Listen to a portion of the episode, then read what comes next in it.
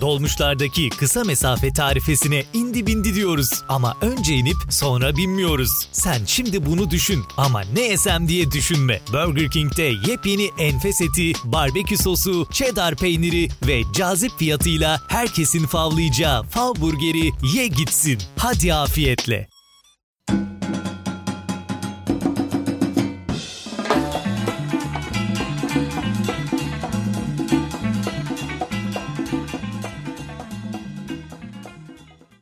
Merhabalar, yeni bir bir nevi biyografi bölümüyle karşınızdayım. Yıllardır kimi figürler tarafından duyduğumuz bir terim var. Bu terimi çeşitli ortamlarda duymuş hatta kullanmışızdır belki. Daha çok da siyasi figürlerin ağzından sıkça duyduk. Muz Cumhuriyeti. Evet, bilhassa yerli siyasiler yabancı devletlerin Türkiye hakkındaki bir takım görüş ve yaptırımlarına tepki olarak şu cümleyi kullanırlar. Türkiye bir muz cumhuriyeti değildir. İlk duyduğumuzda bile zihinlerde hoş etki bırakmayan bir terim. Koskoca devletin tropikal bir meyveyle nitelenmesi o devletin ihtişamını yerle bir ediyor adeta. Peki bu niteleme nasıl ortaya çıktı? Uzun yıllar ülkemizde lüks gıda grubuna giren bu meyve devlet mevhumunun önüne sıfat olarak neden konuldu? Tarihçesi nedir? Gelin bakalım. Ya arkadaşlar burası muz cumhuriyeti değil. Muz Cumhuriyeti nitelemesi siyasi otoritenin sağlanamadığı, askeri müdahalelerin kronikleştiği, gelişmemiş ve yozlaşmış ülkeler için kullanılan isim. Bu cümleyi okuyunca benim aklıma ilk gelen şeylerden biri 3. Dünya ülkesi tabiri. Bu nitelemeyi de az önce saydığımız özelliklere haiz devletler için en az Muz Cumhuriyeti tabiri kadar kullanırız veya duyarız. Evet, Wikipedia'da Muz Cumhuriyeti nasıl tanımlanmış ona bakalım. Uluslararası politikada siyasi açıdan istikrarsız, ekonomik açıdan bir ya da birkaç tarımsal ürünün üretimine ve ihracatına bağımlı ve genellikle yolsuzluklarla iç içe küçük bir seçkinler grubu tarafından yönetilen ülkeleri küçümseyici anlamda kullanılan siyasi terim.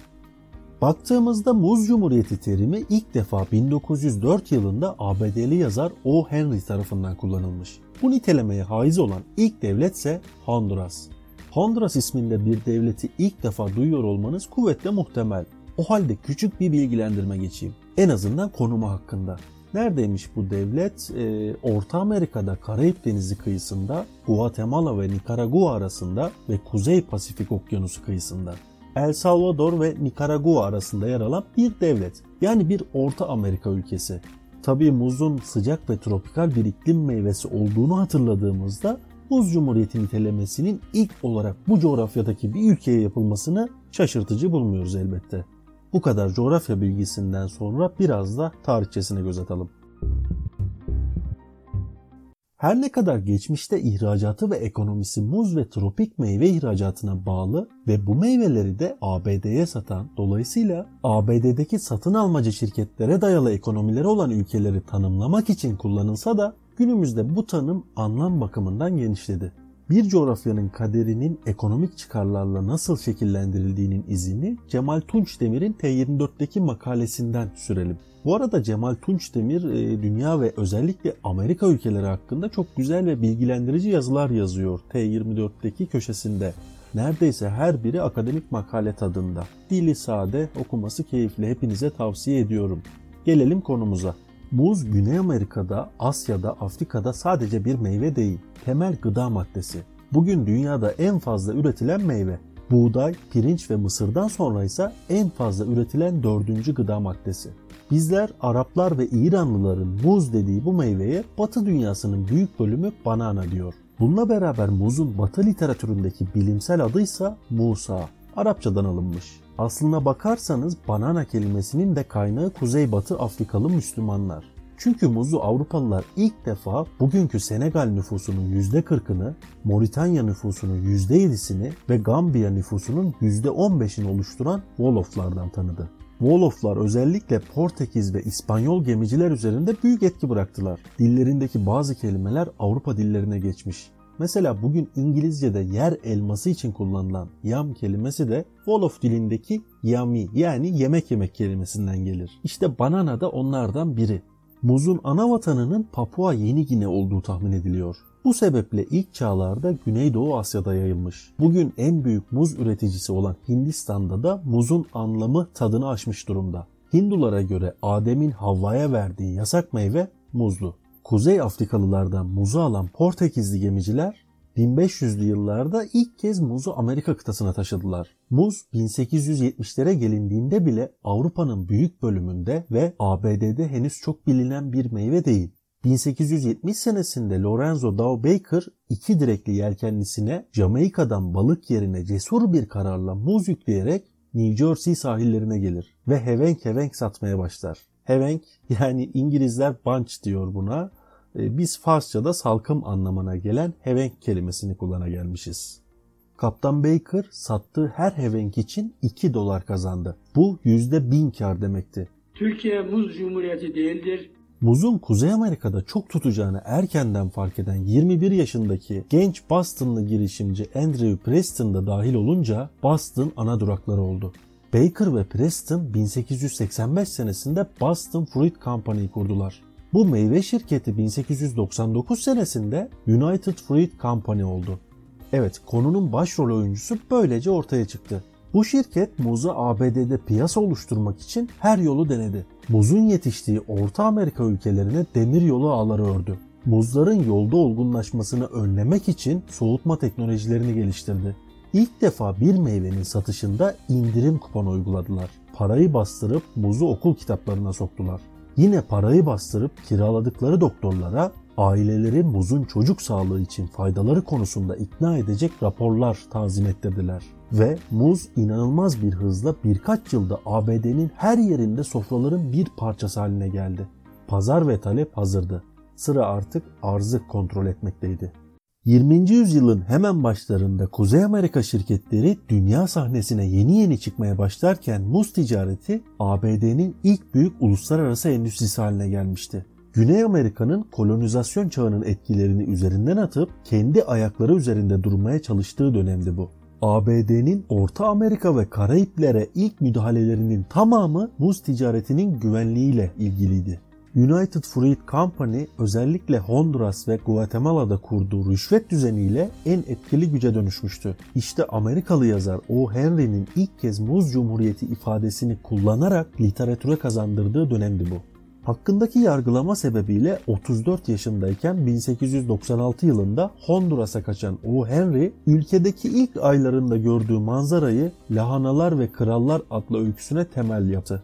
Bu öyküde tek üretimi muz olan ve destekçilerine rüşvet hissesi dağıtarak ayakta duran bir kurgusal diktatörlükte yaşananlar anlatılır. United Fruit şirketi 1930 yılında Orta Amerika ve Karayiplerin en büyük işvereni haline geldi. Bütün bu ülkelerde bu muz şirketinden habersiz kuş uçmuyordu. Honduras'ın bütün ulaşım altyapısı, limanları, demiryolları ve karayolları bu şirketin kontrolünde olduğu için Honduras halkı United Fruit Company'ye El Pulpo yani ahtapot lakabını takmıştı. 1930'lara gelindiğinde ABD'nin muz endüstrisinin %85'ini bu şirket tek başına kontrol ediyordu. 1924 senesinden itibaren Vaccaro kardeşlerin kurduğu Dole Fruit Company de sektörün geri kalan payına sahip olmaya başlamıştı. Muz endüstrisinin en sıra dışı ismi Samuel Zemure'ydi. Guayemel Fruit Company'nin sahibi olan Zemure 1924 senesinde baş aktörümüz United Fruit Company'nin de sahibi oldu.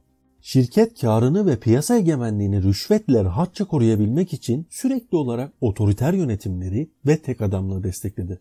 Demokrasinin ve hukukun gelişmesine, şeffaflaşmaya engel oldu.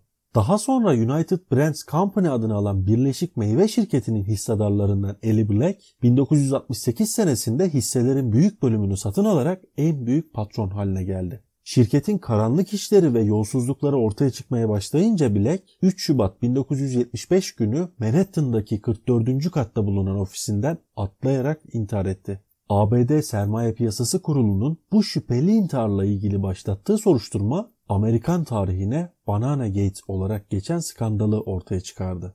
Şirket Orta Amerika'daki diktatörlere milyonlarca dolarlık rüşvet dağıtmıştı. Örneğin Honduras Devlet Başkanı Osvaldo López Ariana'nın İsviçre'deki gizli banka hesabına iki defa 1.25 milyon dolar olmak üzere toplam 2,5 milyon dolar rüşvet yatırıldığı ortaya çıktı. Bu rüşvet karşılığında Honduras'taki muz vergisi koli başına 50 sentten 25 sente indirilmişti. Bu vergi indirimi ise şirkete 7,5 milyon dolar ek gelir sağladı. Black'in intiharından sonra United Fruit Company, Cincinnati merkezli milyarder Carl Linner'ın eline geçti. 1984 yılında bütün hisseleri eline geçiren Linner, şirketin adını aynı yıl Chiquita olarak değiştirdi.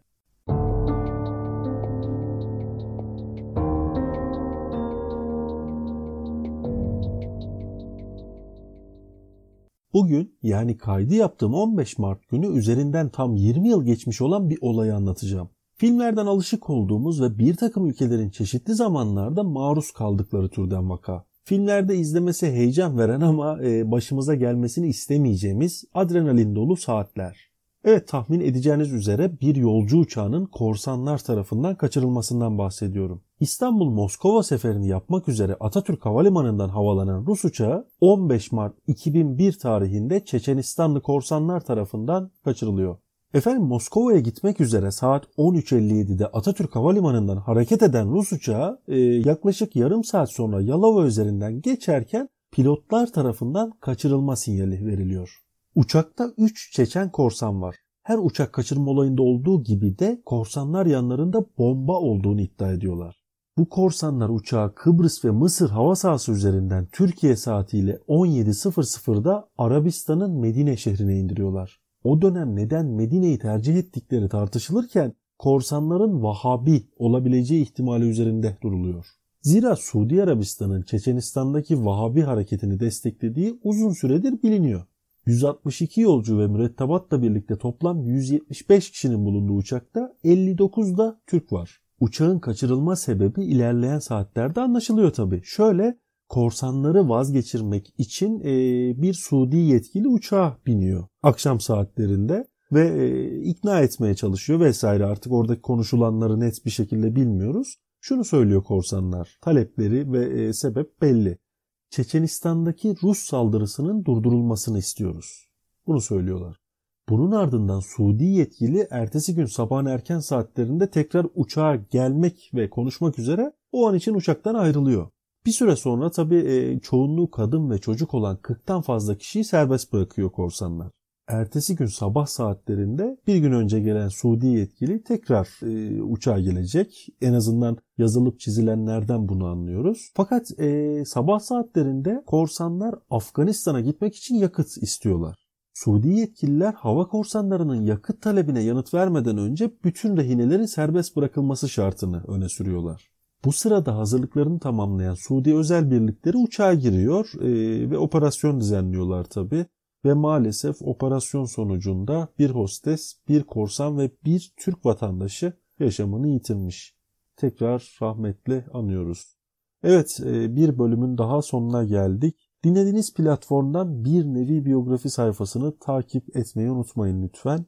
Yeni bölümde tekrar görüşmek üzere. Hoşçakalın.